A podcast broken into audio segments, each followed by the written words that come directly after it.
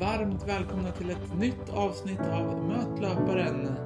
Mitt namn är Marcus Åberg och det är jag som gör den här podcasten. Det här är en podcast för löpare av löparen. Och innan vi kastar oss över denna intervju som nu, du har, nyss har slagit på vill jag börja med att tacka alla er som har lyssnat på tidigare avsnitt av denna säsongen. Jag är otroligt tacksam över att just du väljer att lyssna på Möt löparen och ta del av de intervjuerna som jag gör. Tack så jättemycket! Och är det så att du gillar denna podcast, då får du gärna ge oss ett betyg här på podcastappen, vilken app som du nu använder. Och glöm inte heller att följa oss på sociala, sociala medier där vi heter Möt löparen, där vi finns på Instagram och Facebook. Då missar du aldrig några spännande nyheter som vi publicerar eller nya avsnitt. Självklart kan du också följa podden genom att prenumerera på den på de olika kanalerna så då missar du aldrig några nya avsnitt som kommer ut helt enkelt. Nu ska vi ta och rikta blickarna mot eh, detta avsnitt som du har slagit på och vill lyssna på. Ni ska få möta en löpare som eh, du säkert har sett många gånger långt fram i resultatlistorna. Och jag har själv sprungit på honom under många lopp och vi har ställts mot varandra under många tävlingar. Hans resa i löpningen började redan i skolan där han utmärkte sig på, på det sättet att han helt enkelt var bra på att springa. Men det var först eh, efter att han slutade skolan som han faktiskt började att träna löpning. Och då med målet att ta sig under 40 minuter på milen. Sen dess har han gjort en lång resa och är nu en stabil löpare strax under 31 minuter på, på milen. Lägg där till att han också har gjort fin, fina tider på andra distanser såsom halvmara och mara. Även på kortare distanser också ska jag tillägga, men det kommer du få höra mer om i detta samtal. En sak som han också lägger mycket tid på är eh, hans konst. Där jag tycker att ni ska gå in och följa honom och se vilka underbart vackra tavlor som han gör. Det här är alltså dags för dig att få träffa ingen mindre än Isak Hellström. Det här blir ett härligt samtal där vi pratar kring hans stora intressen i livet och hur han bollar dessa i olika perioder som han befinner sig i. Helt enkelt, gör er redo för ett härligt samtal tillsammans med Isak Hellström. Nu kör vi!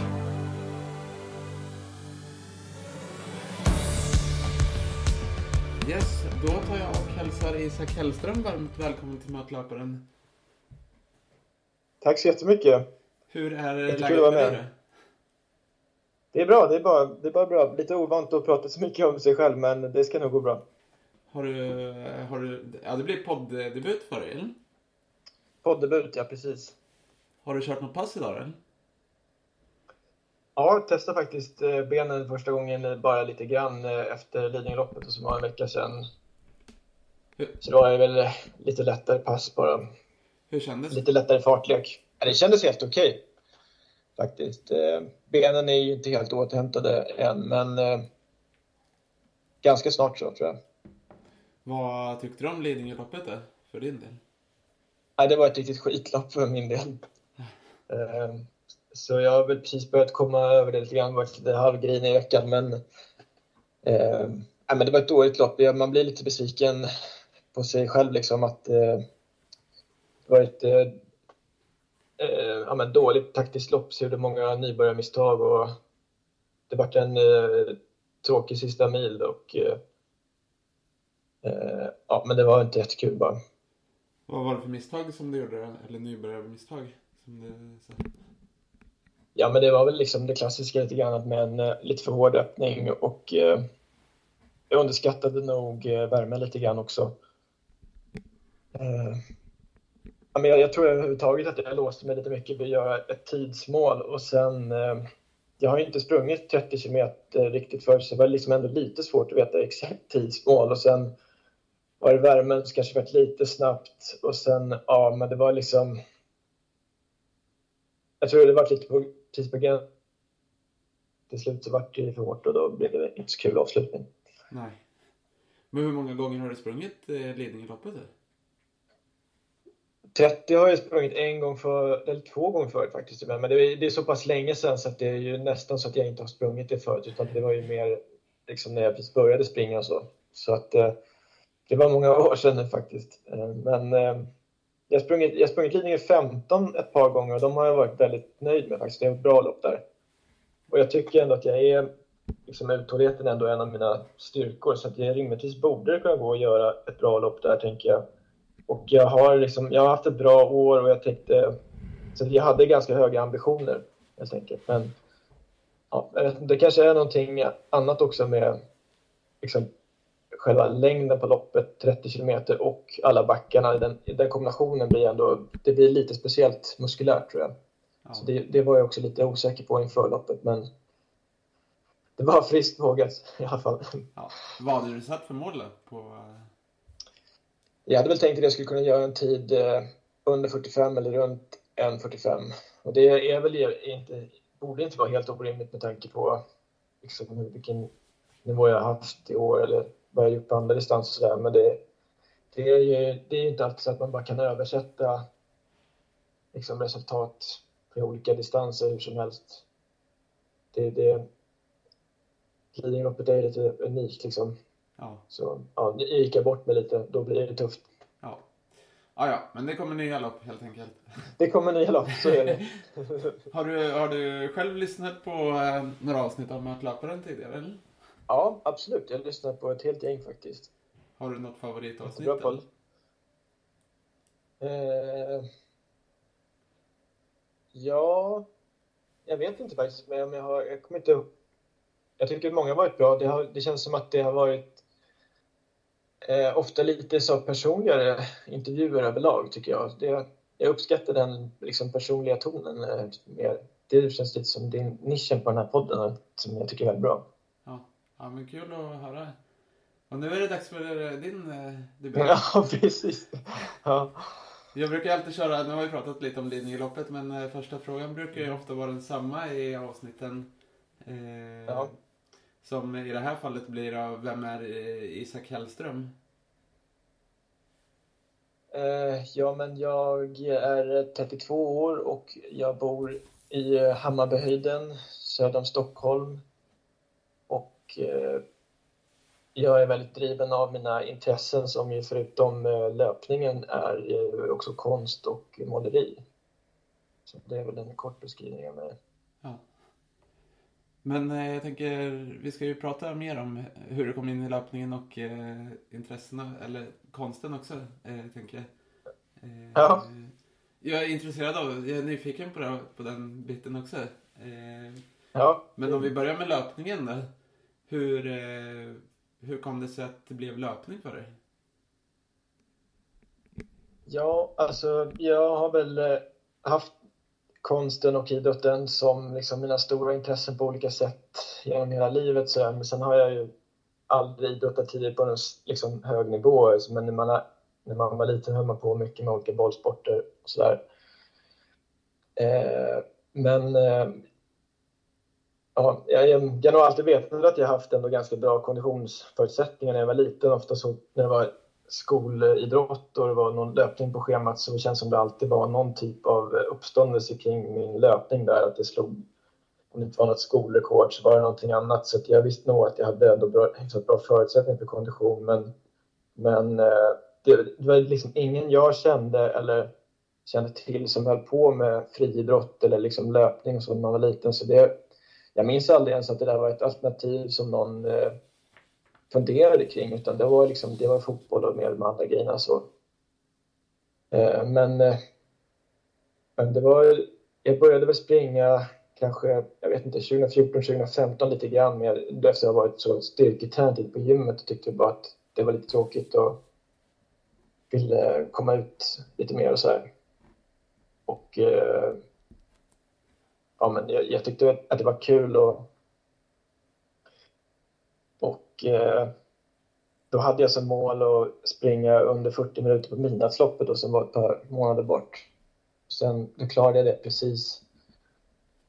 Och sen så skulle jag springa maraton så blev det lite mer seriös träning sen så, så småningom gick jag med i studenten också. Så ja, det var, det var lite kort om hur det började. Men då, eh, du sa i skolan när du sprang eh, att det blev lite... Du var duktig på att springa då, uppenbarligen? Eller? Det är svårt att veta hur, hur bra det var liksom, men, det, men eh, ja, men jag, jag, vi hade nog ganska bra konditionsförutsättningar. Pappa höll på lite med cykling och jag hade liksom, i den bollsport jag hade så hade jag alltid den rollen, ganska mycket att jobba hårt och jag tyckte det var kul att springa. Men jag, jag, det är svårt att säga liksom vad det, de där skolrekorden. Men jag sprang nio på minimaraton också med skollaget som också blev lite så uppståndelse kring. Men... men när du spelade fotboll, var du en sån typisk som hade en yttermittfältare som fick springa mycket? Som vi alltid kommer in på. Ja, ja men precis. Det var nog ganska mycket så. Yttre eller inne mittfältare i varje fall. Springa mycket. Ja. Men sen då när du då 2014, 2015 eh, då du började springa eller eh, var det samma år som du siktade på 40 minuter på milen förresten? Ja, precis. Det var samma år. Hur tränade du då, då ungefär? Ja, men då var det väl ganska mycket det klassiska så här, att man springer två, tre gånger i veckan. Jag vet inte, sju kilometer någonting, springer allt man orkar. På samma runda typ. Men, eh, ja, men sen blev det ju lite mer att jag det, var, det är ju så för de flesta kanske att man tänker sig att man ska springa maraton, då måste man kanske tänka till lite med träningen sådär. Eh, och eh, ja, men det, när jag hade gjort eh, sub 40 där på midnattsloppet då tänkte jag nog att jag skulle vilja träna liksom med lite andra folk så då eh, jag tänkte man jag kanske borde gå med i en löparklubb så här, och då den enda löparklubben jag kände till då var i Spårvägen så, så då googlade jag fram Spårvägen och så ringde jag upp dem. Eh, och så sa jag då så att jag var sugen på att börja springa och då fick jag prata med Kent Claesson. Och han var inte så jätteimponerad av att jag gjorde milen 40 minuter. Så. Men eh, det, jag, jag, var inte heller intresserad liksom, att gå med i deras elitgrupp. Då. Det var inte det, det som var min ambition. Det var bara att det var den enda jag kände till. Ja. Men då fick jag tipset av honom att gå med i studenterna då och det var ju ändå väldigt bra tips verkligen. Det har ju varit ett bra sammanhang för mig, särskilt i början där. Hur, när var det då som du gick med? Ja, men jag, jag, tror att det måste ha varit någonstans 2015 eller 2016, någonting sånt. Så det, det är ju ett tag sedan faktiskt. Ja. Men eh, den maran då som du sprang, hur, eh, hur gick den? jag var väldigt nöjd med den morgonen faktiskt. Det var, då sprang man ett par gånger i veckan och eh, väldigt svårt att veta eh, liksom tidsmässigt och så. Men det, jag sprang, tror jag, 3.10 ja, väldigt lite träning på Stockholm maraton. Det var så när på något av de åren det var väldigt så regnigt och blåsigt och så. Men jag hade väldigt så här, skön känsla hela vägen så jag tror inte att jag tog nog inte maximalt heller. Nej. Sen då, hur har liksom löpningen vuxit efter du gick med 20, 2017, 20, ja, 2015? När var det? 20, ja, ish. Ja. 2015 ungefär tror jag. Ja. Eh, hur ja, men liksom... den har ju vuxit ganska mycket från år till år. Det, alltså, man, det, I början där blev man ju snabbt väldigt mycket bättre. Eh, så jag tror att det första året bara på de första månaderna förbättrade man sig ganska mycket. Och jag vet inte, kanske med... Jag varit med sex månader i studenterna så gjorde jag, tror jag låga, sub 35 i varje fall på premiärmilen på ganska kort tid. Det, det kanske inte är liksom, det blir alltid relativt, men då var det ju, för mig var det ju väldigt stor utveckling då. Ja, men menar om du har gått och velat göra under 40 minuter till att gå till 35 minuter är ändå ganska stort. Ja, det är ganska stort hopp. Jo, ja, men det, det gick ju verkligen. Det var ju så i början att man persade på varenda träningspass i stort sett. Liksom. Hur var det, det i början? Det, jo, men det var ju klart att det var väldigt roligt. Eh, och liksom eh, springa med en massa andra och ja, mycket gemenskap och ja, det var väldigt roligt. Och man, men, men ribban för hur bra man kan bli, den blir, liksom, den blir väldigt... Man har ingen aning, det, bara, alltså, det höjs hela tiden på något vis. Det, ja. det var väldigt kul. Men man, man, visste ju väldigt lite om träning då också. Men det, ja, det var väldigt nytt och spännande allting. Då i början, vad var det eller vad var största så här, som du du kommer ju från den klassiska, jag tänker, så här, du springer tre gånger i veckan, eh, springer samma runda ungefär. till att börja med studenterna. Och jag antar att du fick lite mer struktur på träningen då också. Eh, eller vad var största så här, lärdomen i början som du minns tillbaka på idag?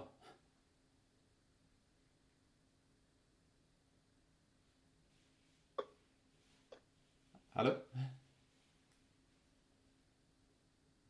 Ja, lite dålig uppkoppling, men jag tror att jag hörde vad du sa. Ja, men det var... Det är precis... Eh, ja, men bara en sån sak att man kunde springa distanspass i lugn fart och sånt. Eh, det kände inte jag till, så var det en ganska stor grej. Men det var nog det var väldigt bra strukturerad träning. Eh, Olika tröskelintervaller och alla de här begreppen som man inte hade någon aning om först i början. Um, ja, men och, och mycket köra, inte köra allt man orkar på varenda pass liksom.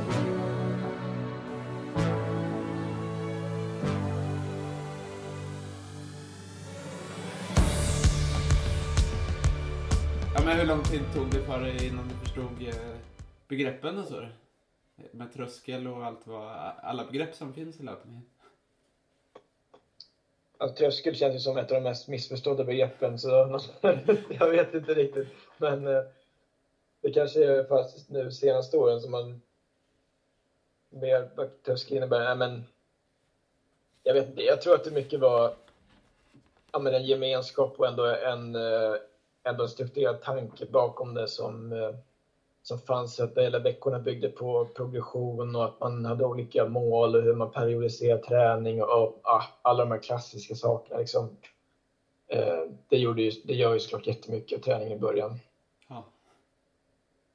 Men hur viktiga, jag vet ju i studenterna också att det är väl, väldigt bra gemenskap. Eh, hur, viktig, hur viktig har den varit för din träning skulle du säga? Mm, precis. Ja, men den har nog varit jätteviktig. Nu tränar jag ju ganska mycket, eller större delen av träningen själv för att det är liksom enklare att få ihop det så tidsmässigt. Men jag har ju ändå hela klubben med hela den kontexten och gemenskapen runt omkring så att jag vet inte, skulle man träna helt själv och utan att ha den kontexten i gemenskapen skulle nog kännas ändå ganska meningslöst. Sen har man ju, jag har ju gemenskapen liksom med löpare utöver klubben också, liksom du och jag och hela löparcommunityt också. Det betyder ju såklart mycket. Mm.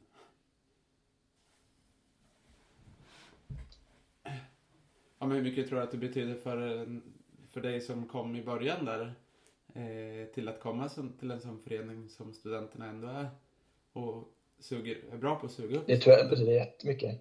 Ja. Ja, det betyder jättemycket. Det var, det var verkligen rätt plats för mig att hamna på. Så jag får tacka Kent Claesson för det tipset tror jag. Det var nog det bästa jag kunde göra tror jag. Men eh, då i början, vilka, vilka distanser? Du körde ju maraton som du sa. Du, vi pratade om inlandsloppet, så att du ville gå under 40. Men vilka distanser mm. är det som du har satsat på? Det? Alltså det, det där maraton, det känns som den klassiska vägen att då börjar man träna lite mer strukturerat och sen så inser man att ja, det, man är nog mycket bättre på andra distanser egentligen. Så det känns som det varit för ganska många som har börjat. Så, så var det för mig också. Eh, nej men jag, jag, kände, jag var väl nog bäst tror jag när jag började på 10 kilometer. Jag tror jag var min bästa 10, 10 kilometer.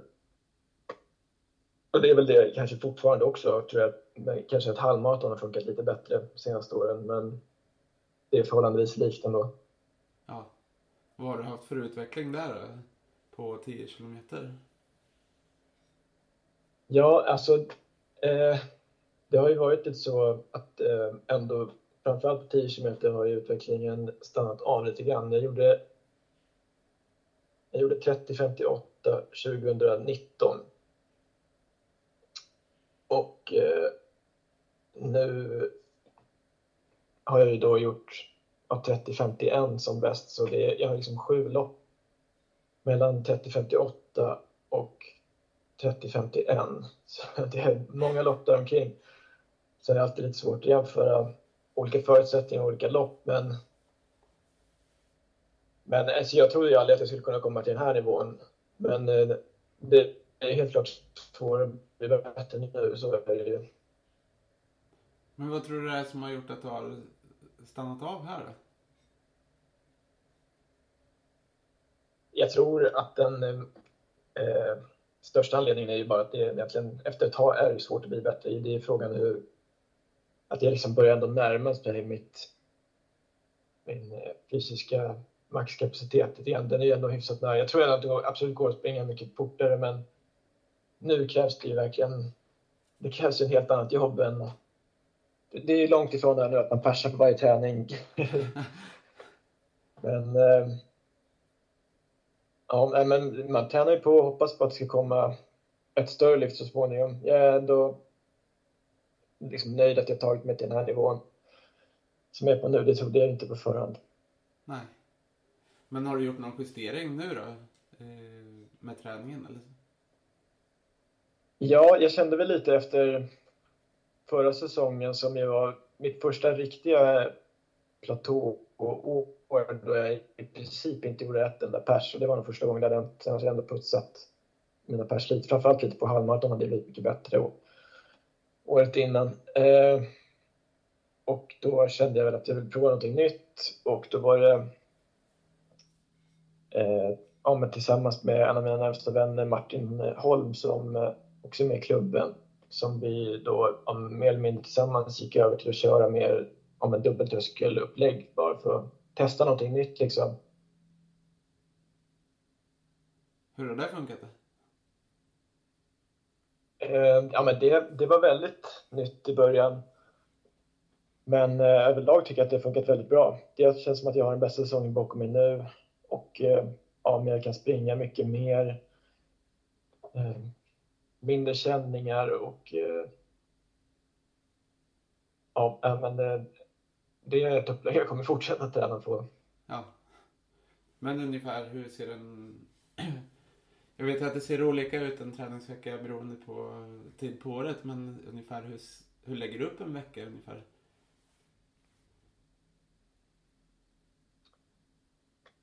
Eh, ja, men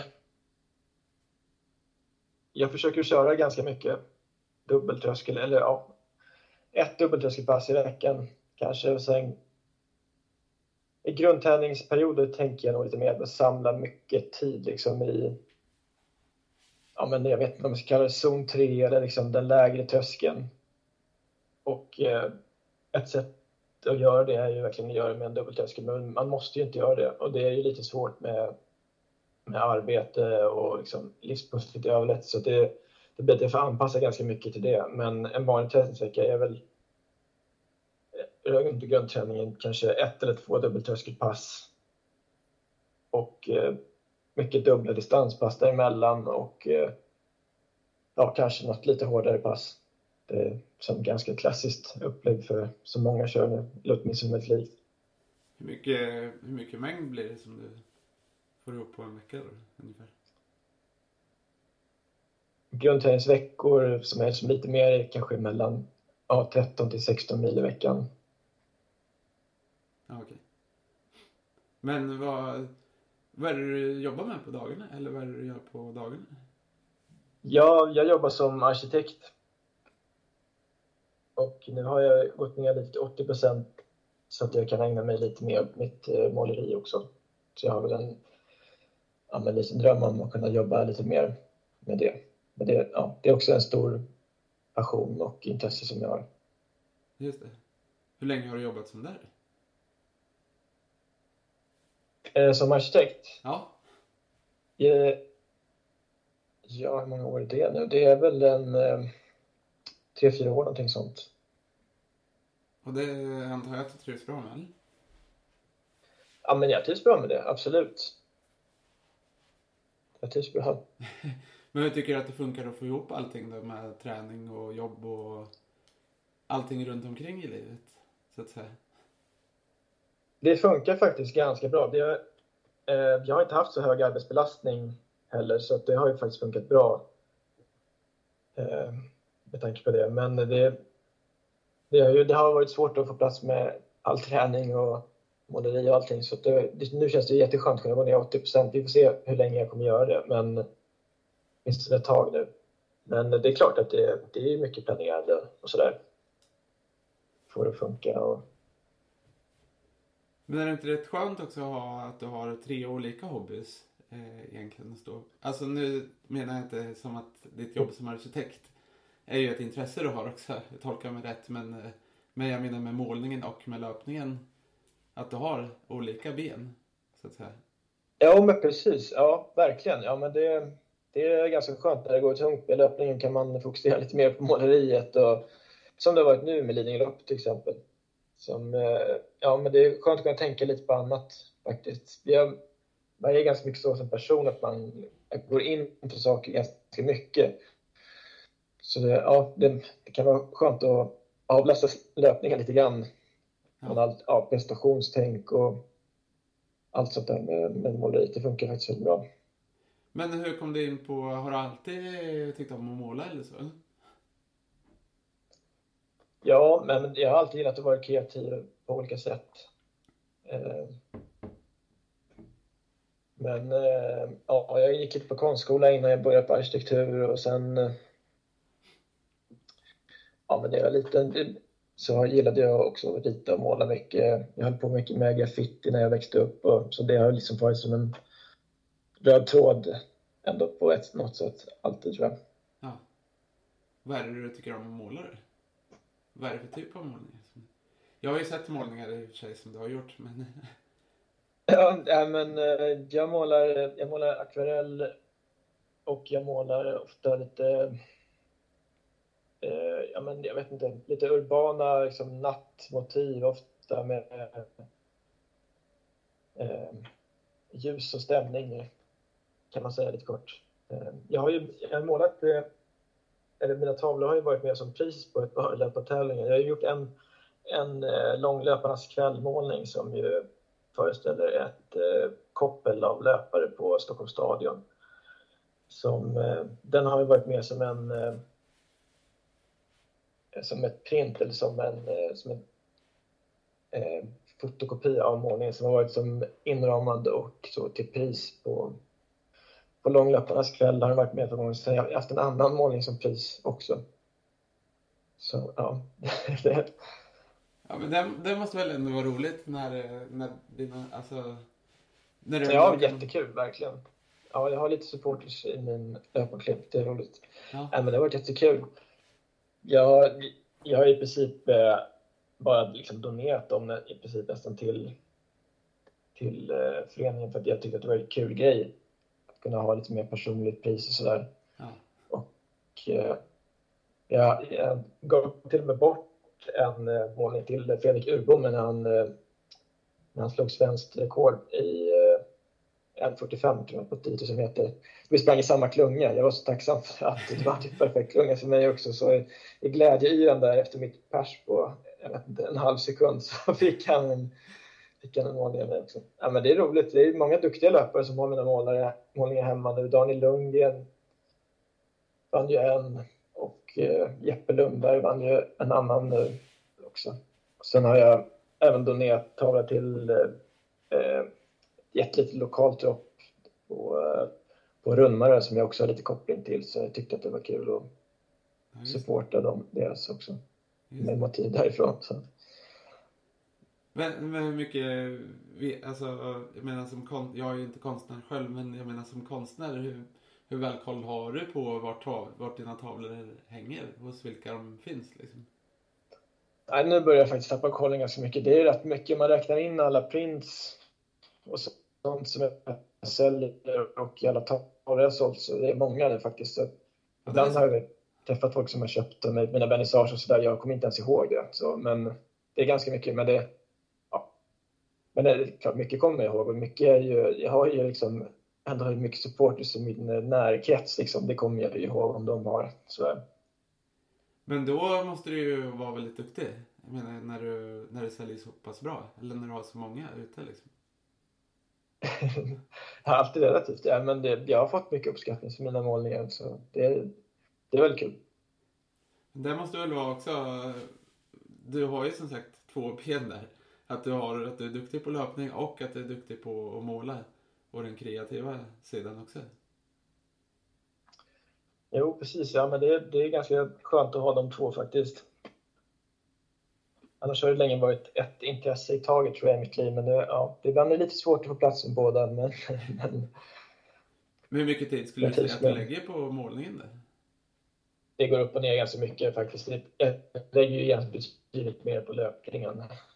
Ja. Eh, nu har jag ju en dag i veckan där jag ändå, ändå ska eh, huvudfokuset tänkte jag ska måla som en arbetsdag, måla en hel dag. Men det är klart att eh, ja, den dagen passar ganska bra att klämma in en dubbeltröskel också. så det, men, eh, Eh, och nu har jag en utställning om inte så länge, om en, ja, ett par veckor bara. Så då, då, nu är det ju ganska mycket jobb. Men det, det kan ju gå perioder där jag inte lägger mycket tid alls. Så, och, men det är sådär när man har en målning igång och eh, liksom upptagen av den, helt plötsligt hittar man ju tid till att göra det. Så. Men, men ja, generellt lägger jag nog mycket mer tid på, på löpningen. Det är ganska tidskrävande. Det, löpningen tror jag ändå är mellan 10-12 timmar i veckan. Bara själva löpningen liksom. Ja. Och målningen? Målningen, ja. Ja, men nu, nu är det har det nog varit mer än det när det har varit utställningar. Men, eh, men många veckor tror jag kanske inte lägger mer än någon timme så att det, det är mycket mer upp och ner.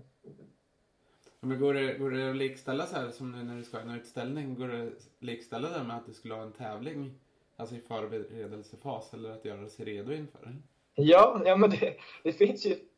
Ja, precis. Det är faktiskt lite likheter med det ändå. Att man har tydliga mål sådär. Jag är nog väldigt målinriktad som person så eh, det är kul att ha de här målen att se fram emot. Och, ja, men eh, måleriet är nog inte alls lika mycket press, åtminstone, åtminstone inte än så länge. Det kanske blir det när man har på lite längre. Men just nu känner jag inte så mycket press av det. Men i löpningen kan du känna press av att du vill prestera eller att du känner press från andra? Eller?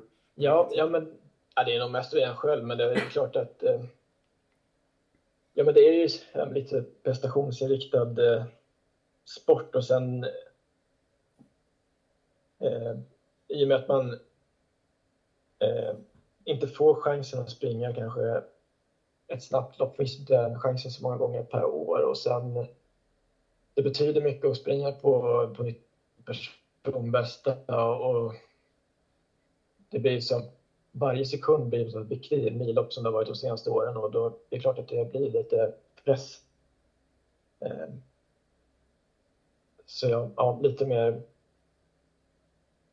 ja, prestationsinriktat eh, har det varit kring löpningen de senaste.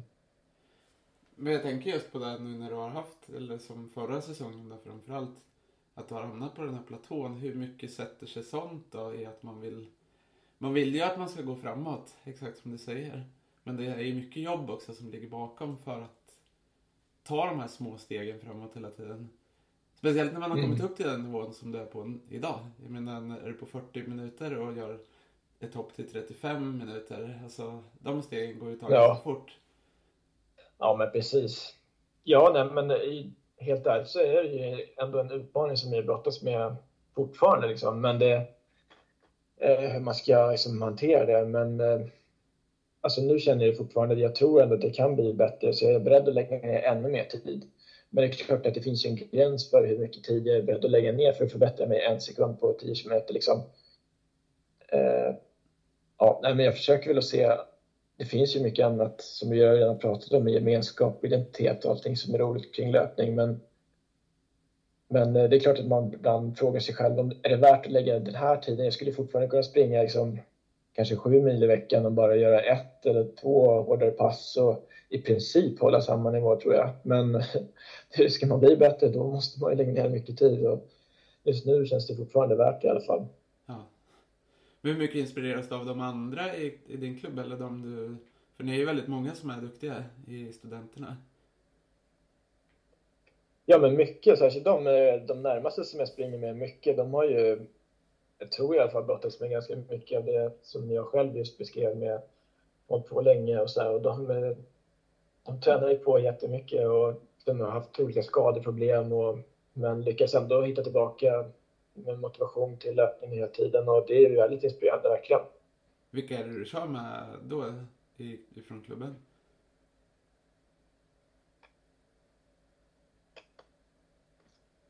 Närmsta träningskompisarna är ju ja, Martin Holm och sen är det Andreas Lundegård och Fred Grönvall. Det är väl de som jag springer med mest. Ja.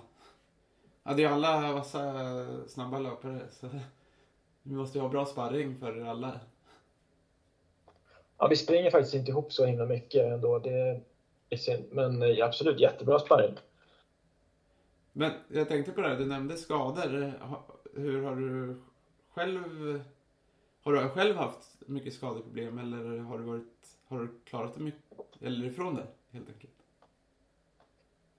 Alltså jag har klarat mig från eh, de som längre skadeuppehåll och så. Men det, de första åren när jag sprang, ja, det kanske, för, ja, kanske tre år sedan någonting, tror jag senast jag hade någon lite längre skada och då har jag ändå bara varit borta från löpning kanske sex veckor totalt sett. Mest sex, sju veckor där jag varit kanske ett par gånger. Eh, men, eh, men nu har jag haft väldigt bra kontinuitet länge. Men förr var det mycket att man hade småkänningar hela tiden ändå som jag på ett sätt har det varit bra tror jag för att man har lärt känna sin kropp ganska mycket tror jag. Var, eh, var det fel någonstans och hur hårt man kan springa och så att man ändå man har lärt sig mycket om sin egen kropp.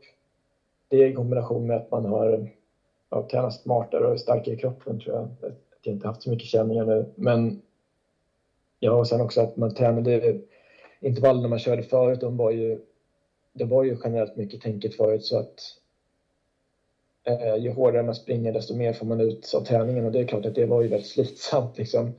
Så då gick man hela tiden, men jag klarade inte av att köra mer än två kvalitetspass i veckan utan det var ju, det var ju mycket bara det, man skulle springa så hårt. Så, ja, det var mycket ångest faktiskt med det också för att då gick, man kände hela tiden att man var på någon slags gräns av vad kroppen klarade av. Det gör jag inte alls nu så eh, och nu springer jag mycket mer jag gjorde då också. Ja. Men vi tror att det kan vara lätt att fastna i den. Det där är ju en klassiska, att man ska köra hårt på intervallerna eh, och köra nästan slut på sig. Eh, kontra den andra mm. vägen att gå som ni kör nu, eller som väldigt många kör. Eh, och inte ja. köra lika hårt. Ja, vad sa du? Tror du att det kan vara lätt att fastna där? Att man bara ja, att köra hårt ja. ja. Precis. Jo, ja, men det var ju verkligen en stor eh, omställning när jag och Martin bestämde oss för att prova någonting helt annat. Och då kändes det ju verkligen som att nu ger vi oss ut på eh, öppet hav. Här. Vi vet inte alls vad det här innebär, även om det är klart många hade fått bra resultat och det så. Men det, då, ja, där hjälpte ju laktatmätningen till väldigt mycket faktiskt att kunna hitta, hitta den där rätt nivån. För det, man, det är svårt att programmera om den hjärnan, liksom, att man har, man verkligen ligger att man ska pressa och det är tiderna som gäller. Nu är det är skönt att få bort det också prestationsfokuset från träningen. Att man, nu handlar det mer om att få ut det bästa av det du har i kroppen för dagen och då är det mer prickiga laktater, pricka ansträngningen. Och, så det, men den här mätningen var ju verkligen ett bra verktyg för att, eh, att programmera om tänket i början och det blev träningspassen blev ju inte heller lika mycket prestation då. Utan, ja, man, hitta den optimala zonen för dagen liksom, lite mer.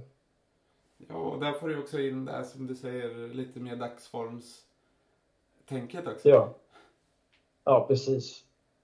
Jag menar, har du bara en tid ja. att gå på? Eh... Ja, precis. Ja, då är det efter pannben och kunna pressa sig så hårt som möjligt. Det är ju slitsamt i längden, det är klart att det är.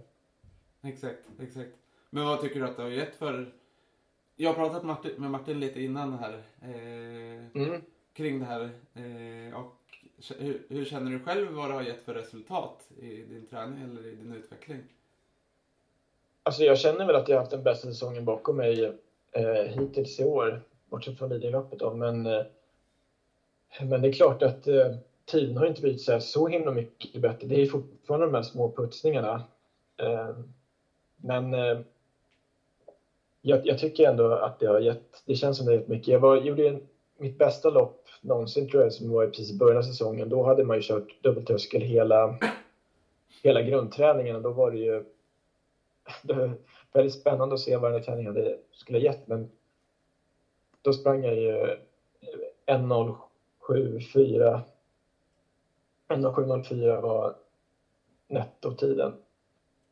Ja.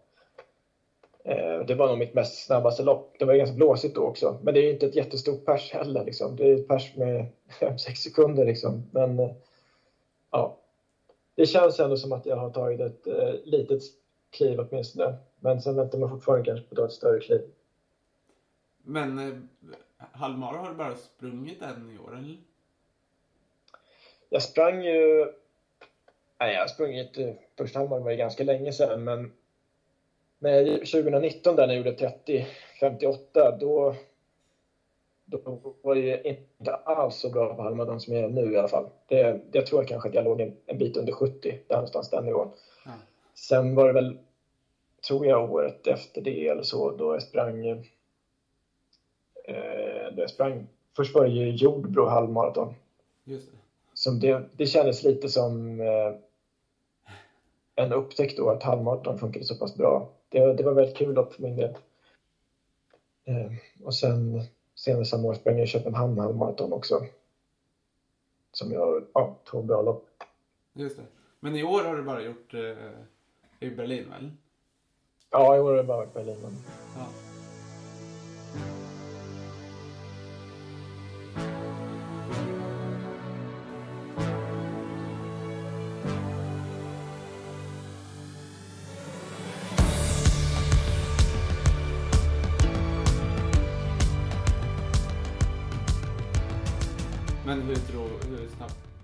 Kan bli på, för jag menar 07, 09, 04 sprang ni på? Ja, ja. 09, 04, ja. ja. Det var ju ändå ett stabilt lopp. Eh, det var ett stabilt lopp, ja. ja men jag är jättenöjd med det loppet. Men eh, ja, jag hade väl lite som drömtid då gå under eh, 67. Det var ju, jag trodde verkligen att jag skulle fixa det. Eh, men jag insåg väl, men det, alltså det var ju väldigt blåsigt den dagen. Och eh, jag hade extremt tur med att jag hade en sån perfekt klunga och det var två eh, väldigt stora personer, långa tyskar som var väldigt dragvilliga så det var perfekt att ligga bakom hela vägen. Men det var ju extremt blåsigt i byarna där. Eh, så, men jag tror kanske att det hade varit möjligt att göra under 67 redan då, men det, det, det skulle jag vilja göra. Det är ju inte långt ifrån heller. Det är inte långt ifrån, nej. Så, men man vill alltid lite mer och det är alltid så är det sådär. Men, äh, men nu när resultaten inte har... Man får ta en liten bit i taget. Nu är man, som det har varit de senaste åren, får man vara väldigt glad och nöjd med de små pers man faktiskt gör. Så, att, så länge jag persar är jag nöjd faktiskt. Ja. Men om du skulle ta ut dina tre, topp tre bästa lopp som du kommer ihåg så här långt. Hur skulle den topp tre-listan låta i så fall? Oj. Eh. Ja, det tycker jag nog är min bästa prestation, tror jag. Eh, Berlin halvmaraton. Det är ju mitt snabbaste halvmaraton och det var ju som sagt lite blåsigt och så. Ja, så jag vet inte riktigt. Eh, jag är ganska nöjd med det Båstad stadslopp som är mitt 10 km pers också på 30-51. Det sprang ju det var med i samma lopp där också, kommer jag ihåg. Ja. Eh, det, var, det var också väldigt bra, bra lopp faktiskt. Jag har ganska många som är så det är svårt att värdera, men jag var också nöjd med mitt eh, 3000 meter pers inomhus eh, i vinters, vinters 8.34 inne. Eh, ja, det, jag tror inte att det är min eh, bästa distans heller, men, men det, det känner jag mig nöjd med också. Ja, jag vet inte, det är svårt att säga, men jag har gjort ganska, i och med att jag har varit på i princip samma nivå mer eller mindre eh, ett par år nu så finns det ju ganska många lopp där i det spannet liksom. Men det som jag är mest glad över var nog egentligen Bålsta var jag väldigt glad och nöjd med och eh, även eh, Jordbro som jag nämnde. Eh, ja. Vad, vad var det som var så bra med de loppen som du var extra nöjd med? Eh, just Jordbro, då var det väl att eh, då känns det som att jag, jag var lite osäker på vad jag skulle hålla för så lång distans. Det var, det var ett tag sedan jag sprungit halvmaraton då. Mina tidigare upplevelser hade nog varit ganska mycket att slutet hade blivit väldigt jobbigt. Och, ja, jag var lite osäker på var jag stod och eh, då sprang jag på 1.07.47 och den banan var inte helt... Eh, det var ju som ett Stockholmsplattlopp. säga, Stockholms plattlopp. Det var ju en backe per varv och sen var det ganska blåsigt i Jordbro och. Det var inte så jätteskärmigt lopp men jag vet inte, av någon anledning var jag jätteinspirerad där. Men fick jag så mycket helt själv också så det var ju egentligen, det var ju verkligen ett lopp jag var väldigt nöjd med.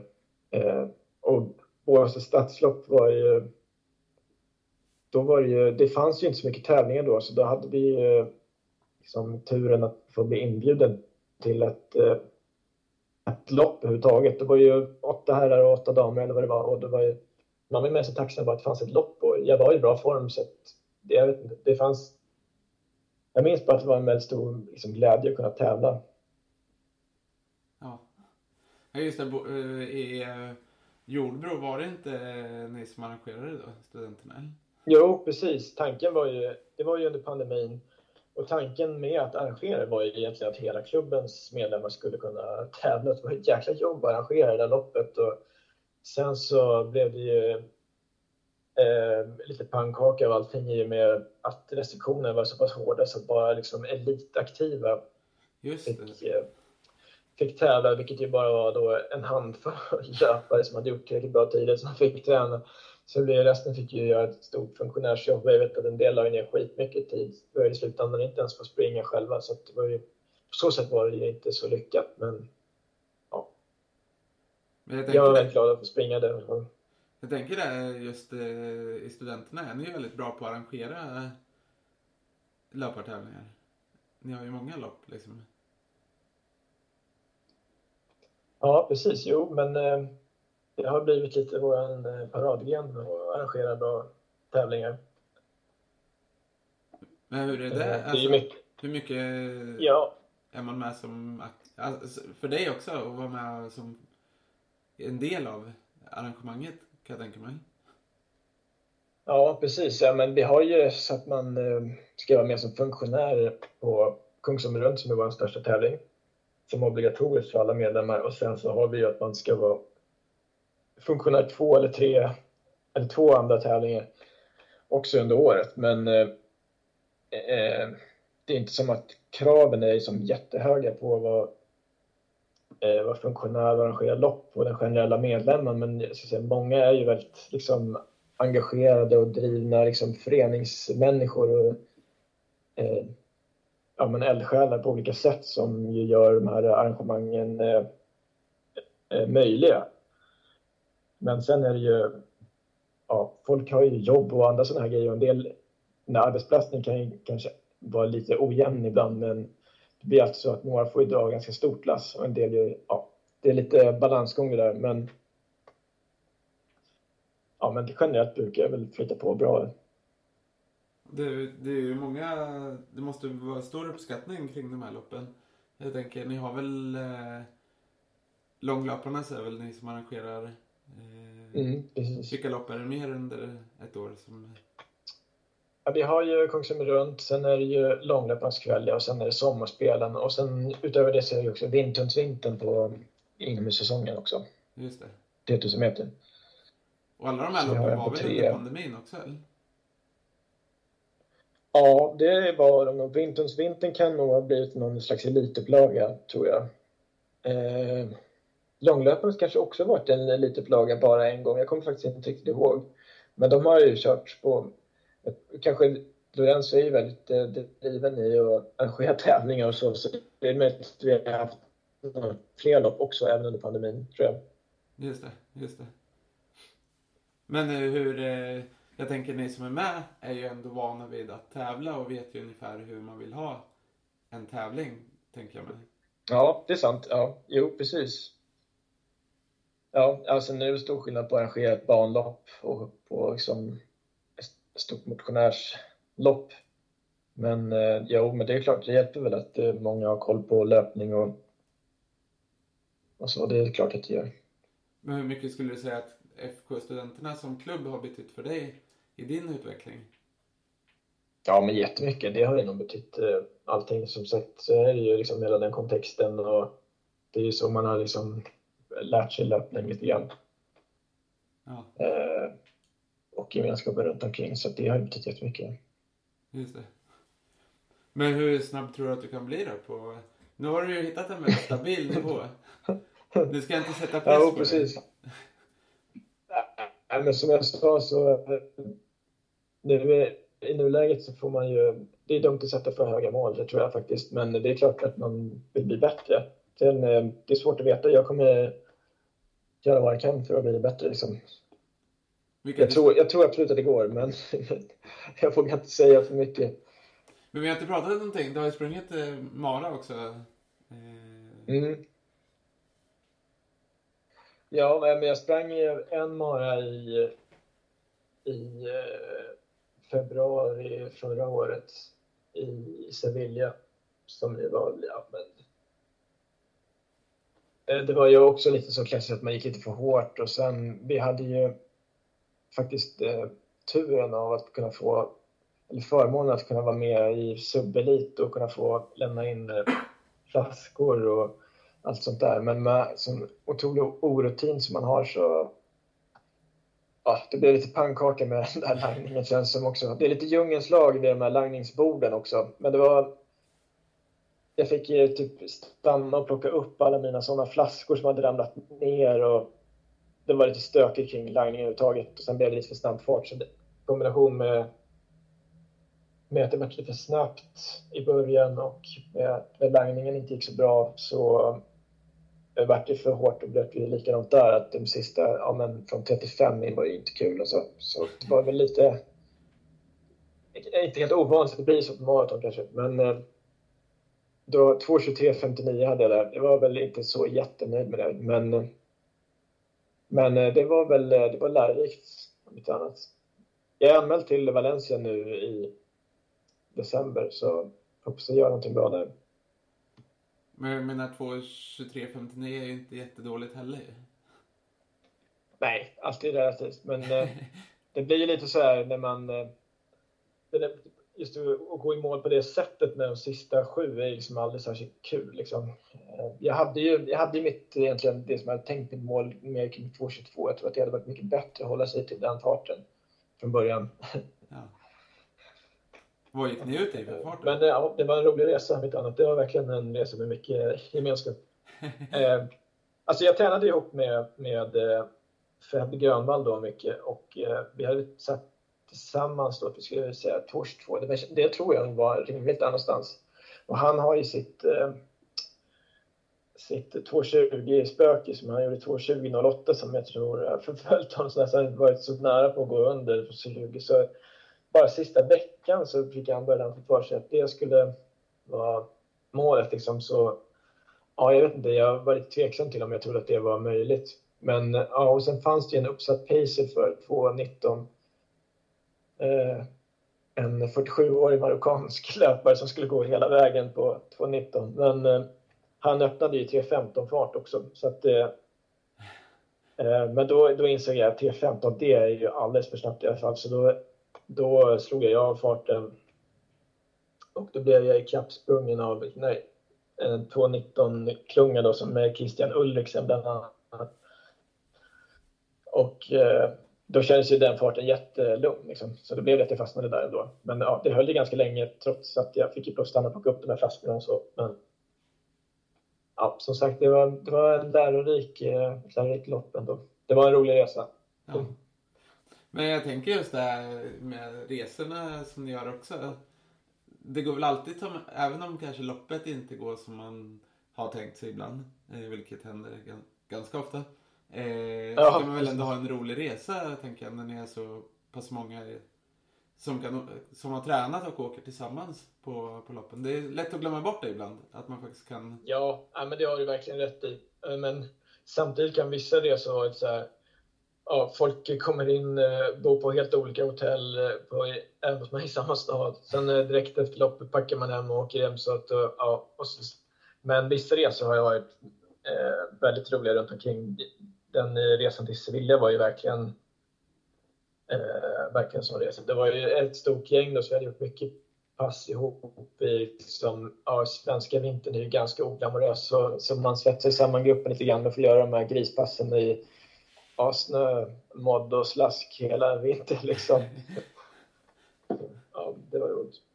Ja, men det där är lätt att glömma bort ibland. Jag pratade med en kompis om det idag faktiskt. De att man har fått som fokus på bara ett tidsmål. Att just det här mm. runt omkring faktiskt eh, kan vara värt mycket också som är lätt att glömma. Att så här, dels de här ja, grispassen som du nämner inför. Eller, ja. alltså, så, det blir ju ändå så här något man har med sig efteråt. Ja men verkligen. Ja, och ett, ett tidsmålen det tror jag hjälper själva prestationen också ganska mycket i de allra flesta fall. Det är särskilt i de längre loppen tror jag är sällan man har kommit i mål och tänkt så här, jag borde kanske sprungit lite fortare i början. Det är som, men det värsta som skulle kunna hända är kanske att om man har sprungit för långsamt i början, i slutändan hade kanske tiden blivit liksom 20 sekunder långsammare. Men den blev det för att det var, alltså det är inte, det här är väldigt liten man riskerar ju allt genom att spänna bågen på något vis och ändå så ska man ju göra det. Det är ganska dumt. Ja. Ja, det, det är dumt när du säger sådär så låter det alltid så klokt eh, när man summerar det på det sättet. Ja, det är svårt att svara när man står där. det sagt gjort. Men eh, hur länge tror du att du kommer att hålla på med löpningen? Eh, ja, men det är svårt att säga, men alltså, jag tror ändå länge skulle jag tro att eh, åtminstone i någon form. Eh,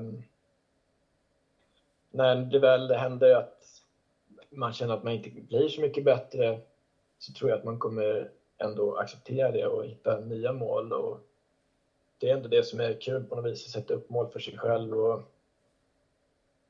eh, ja, men förbättra sig utifrån den nivå man är på. Så det tror jag ändå att man kommer kunna acceptera och gå vidare. Och ja, men jag tror att löpning på något sätt, det tror jag man kommer hålla på med större delen av livet, det skulle jag tro i alla fall. Ja. Men om man backar bandet till att du börjar med löpningen, eh, då 2014, mm. 2015. Vad är det som har fått dig att fastna vid just den här träningsformen? Eller just löpning, så att säga.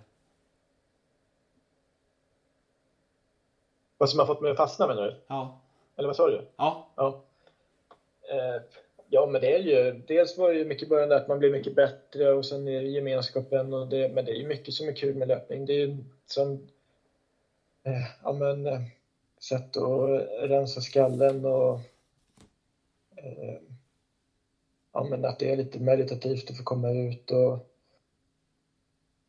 få vara utomhus även på vintern och slaskiga vinterdagar och ta sig ut och ja, men man får en bra struktur tror jag faktiskt. Och, Eh, ja, men det, det ger mycket på många, på många sätt tror jag. Jag tänker just i ditt fall också, hur, vi pratade om de här tre benen tidigare. Eh, ditt jobb som mm. arkitekt, målningen och eh, löpningen. Hur viktigt är det för dig att ha den balansen och ha de tre benen och att löpningen kanske ger till målningen, målningen ger till... Alltså, att det ger på olika sätt?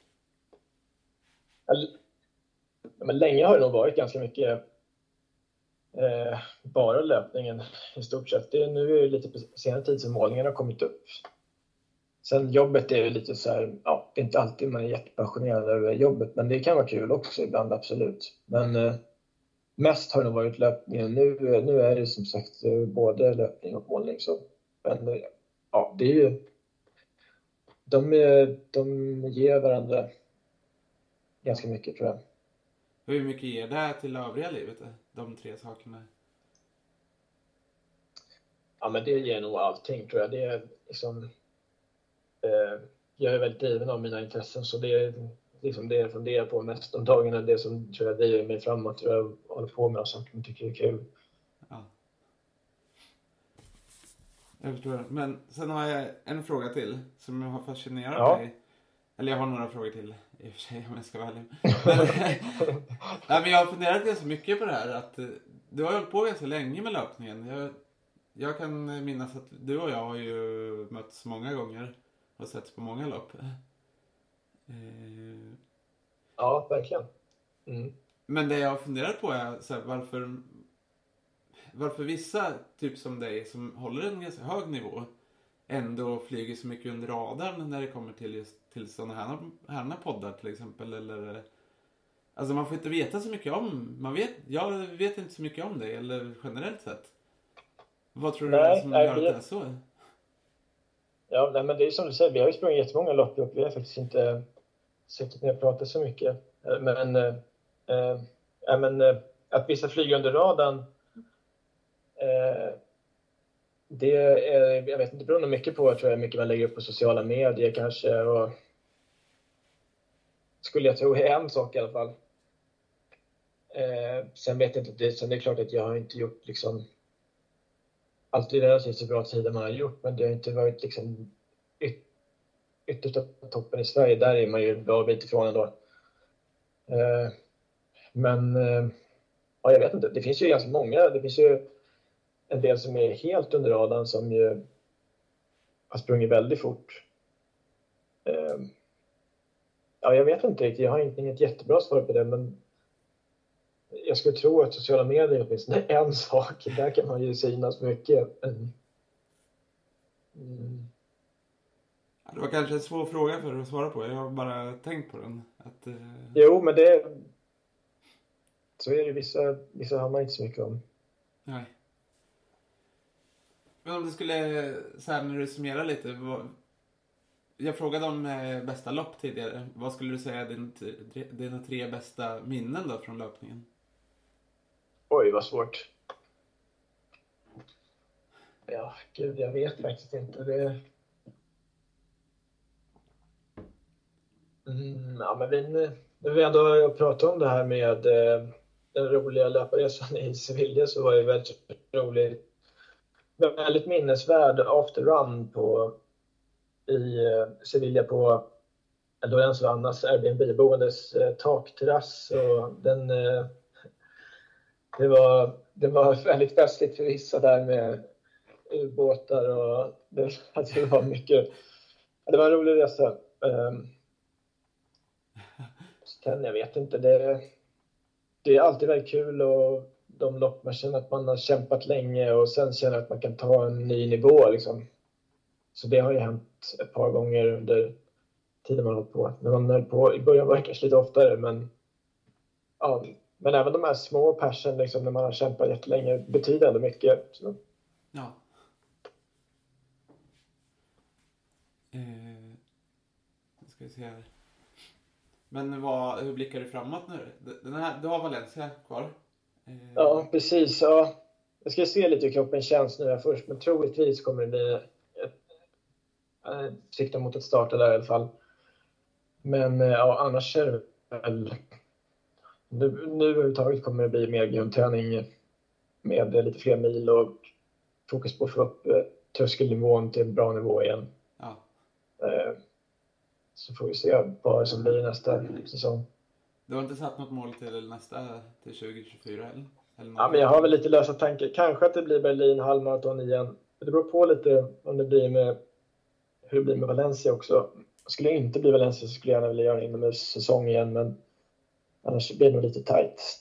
Eh, men ja, det kommer väl bli samma typ av lopp som jag ofta gör med 10 000 meter.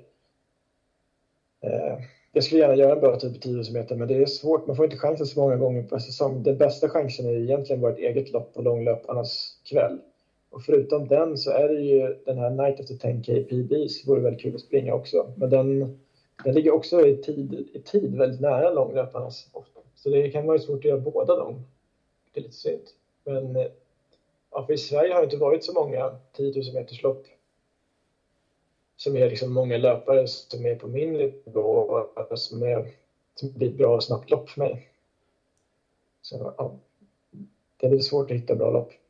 Det är också lite konstigt eh, när du säger att på 10 000, eh, det är exakt som du säger, man får inte så många chanser. Nej, det är, det är verkligen en eller två chanser per år i stort sett, så det är inte mycket. Så. Och sen när det har varit de senaste åren då man inte tar några jättekliv, då får man genast ont i magen om det blåser lite extra. Ja. så där, så. men det är ju ett ja, tidsfokus, så det är kanske det får ta lite stor plats ibland, men ja, Så är det. Ja, men det är lite synd att det inte finns fler. Jag vet att jag reflekterar över det där också. Apropå en annan sak med om, det, om man kör SM, satsar på SM i halvmara och mara för några år sedan. Då var ju typ eh, Mm. Göteborgsvarvet och eh, Stockholm Marathon eh, SM i båda. Eh, I halvmara respektive maraton. Jag menar, då är Ja. om man siktar på att springa bra på SM där, då är ju säsongen typ slut i juni. Eh, Ja. Alltså 10 000 känns lite samma. Så här, alltså det är svårt att få bra sparring Ja. på ett bra Ja, men det... det. Ja, det är jättesvårt. Jag har verkligen försökt att eh, vad heter det? söka igenom alla lopp som finns, men eh, i Norden och Europa också. Men det är, det är inte ens så att det finns några i Europa, utan de få 10 000 meters lopp som finns med bra nivå i Europa, de är ju så bra så att det är knappt svenska eliten får plats i dem. Så det, det finns nästan inte. Det är väldigt svårt att hitta. Det är ju den här Night of the 10K PBs i så fall. Ja. Eh, som jag tror, ja, jag vet inte vilken nivå det är, men kanske från sub 32 neråt kanske där omkring. Vet inte, men det finns, där vart jag springer runt 31 och lite snabbare, där finns, det har de ju åtminstone hit för, men men ja, det, finns inte många som sagt, det är lite synd. Ja, Vi får hoppas att det uppstår någon här. Mm, ja, precis, det vore toppen. Men jag tänker eh, när du börjar med löpningen. Eh, Mm då du siktar på sub 40. Trodde du att du skulle nå de här tiderna som du har gjort nu eller? Nej, det här trodde man ju aldrig. Alltså jag, tyck, jag var ju skitnöjd med det då. Eh, där med det. Barriärerna flyttas ju fort, speciellt där i början. Eh, men när, samtidigt var det när jag gjorde 30-51 eller 3058, 2019 där, då trodde man ju inte att man skulle sitta här tre år senare eller fyra år senare och bara sprungit ett fåtal sekunder fortare heller. Så det trodde man ju inte. Men Nej, men jag absolut inte trodde inte det skulle bli så här snabbt. Då var man ju, jag kommer ihåg det då, då var man ju så otroligt fascinerad av det ens är fysiskt möjligt för folk att springa under 30 minuter. Nu har jag ju inte själv gjort det, men det är inte så att det är extremt långt ifrån ändå. Men, ja, så att, nej, det tror jag verkligen inte att det skulle kunna bli. Vad har du fått för eh, reaktioner från vänner och så på att du har blivit så snabb? Eller från när, när, nära och kära? Utanför löpningen menar jag. Utanför löpningen? Ja, inte så mycket. Jag pratar inte så himla mycket om löpningen med folk som inte håller på med löpning. Ofta man inte, brukar inte vara så förstående så här. Det brukar vara lite svårt. Eh, Men, eh, ja, men det är klart att man har fått en del folk är imponerade och sådär. Men jag, jag brukar inte prata om det jättemycket. Det var som mitt jobb har jag inte pratat någonting om löpningen nästan. De visste att jag sprang, men nu börjar de veta lite mer att det är så här, ah, men okej, det är på ganska bra nivå ändå. Men som jag, jag blev lite så här påkommen på jobbet med att jag har så stora portioner mat. så, så jag berättat hur mycket jag springer och så här. Då, spontana reaktioner har ju varit så här, bara, äh, när jag hade sprungit 14-15 mil i veckan hela sommaren. Bara, ah, varför gör du det? Liksom, eller, har du någon typ av behov av det? Eller Liksom, folk förstår inte riktigt, men det kan ju verka lite konstigt utifrån att man springer så pass mycket för att bli ett par sekunder snabbare. Det har man ju förståelse för att det, ja, det är kanske lite är speciellt. Liksom. Vad svarar du på en sån fråga? Ja, ja, men... Men jag tror att de börjat förstå lite mer nu, men det... Ja, men jag, jag svarar väl att jag tycker att det är, det är kul att bli bättre. Och, ja, jag vet inte. Det, det är inte jättelätt att ge något enkelt, tydligt svar på det heller, så man, känner sig lite konstig. Nej men det är... Det krävs, krävs andra löpare för att man ska förstå lite mer, tror jag. Ja exakt, Ja, men jag kan känna igen det där just eh, att vissa kollegor kan tro att det är någon som typ tvingar en att göra det. Men eh, Ja, precis. så här, varför gör du det? Varför måste du göra det för? Nej, det är inget, det är inget jag måste göra men eh, jag tycker att det är kul. Liksom. Mm. Det, men hur mycket pratar du, jag tänker i mål, alltså i konst, när du, i din roll som konstnär kontra löpning, pratar du mycket löpning i konstnärsvärlden kontra, alltså kan det bli så? Nej, det är nog lite uppdelat sådär, tror jag faktiskt. Ja, det är så? Prata. Ja, jag tror det, men... Eh, eller ja, jag vet inte. Många i mina närmare känner ju till min konst och sådär, så pratar om det så, men det, ja, men det blir nog lite uppdelat ändå. Men eh, det är lättare, det är ju klart lättare att prata med konst och måleri med folk i arkitektvärlden så i alla fall. Det känns som att de är lite lättare att relatera till. Ja. Det var som när jag skulle prata här om dina målningar. Jag kanske inte har så bra koll på det. Nej, det, det har jag absolut. Eh, känner du att det är någonting vi har missat här i vårt samtal eller som du vill lägga till? Eh, ingenting spontant sådär i alla fall. Hur har eh, debuten i podd, poddebuten känts det för dig? Ja, men väldigt roligt. Jättekul, tycker jag. Ja. Sällan man får chansen att fundera över sin egen eh, ja, men löparsatsning och så, och allting har blivit. Ja. ja, jätteroligt. Ja, det har varit kul att ha dig med och eh, kul att lära känna dig lite mer. Ja, tack detsamma. Så önskar jag dig stort lycka till på loppen framåt. Så ses vi säkert. Ja, tack så mycket. Ja, det gör vi absolut. Lycka till dig också, Marcus. Ja, tack så mycket. Ha det så bra då. Tack så mycket. Hej då. Detsamma. Hej då. Tack så mycket för att du har lyssnat på detta avsnitt av Mötlöparen där du fick träffa Isak Hellström.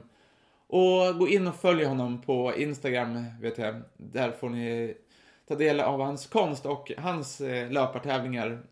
Och jag önskar Isak stort lycka till framåt på kommande eh, tävlingar och så hoppas jag att vi ses på någon tävling också i framtiden. Är det så att du gillar den här podcasten, då tycker jag att du ska visa det genom att gilla oss på Facebook eller, inst- eller följa oss på Instagram där vi heter Mötlöparen. Och mitt namn är Marcus Åberg och jag tackar dig återigen för att just du har lyssnat. Vi är snart tillbaka med nya avsnitt och vi har spännande, andra spännande saker på gång. Så följ oss på Instagram helt enkelt. Mötlöparen heter vi där. Och ge oss gärna ett betyg om du gillar podden. Vi hörs snart igen. Fram till dess, ta hand om er. Ha det så bra. Hej då.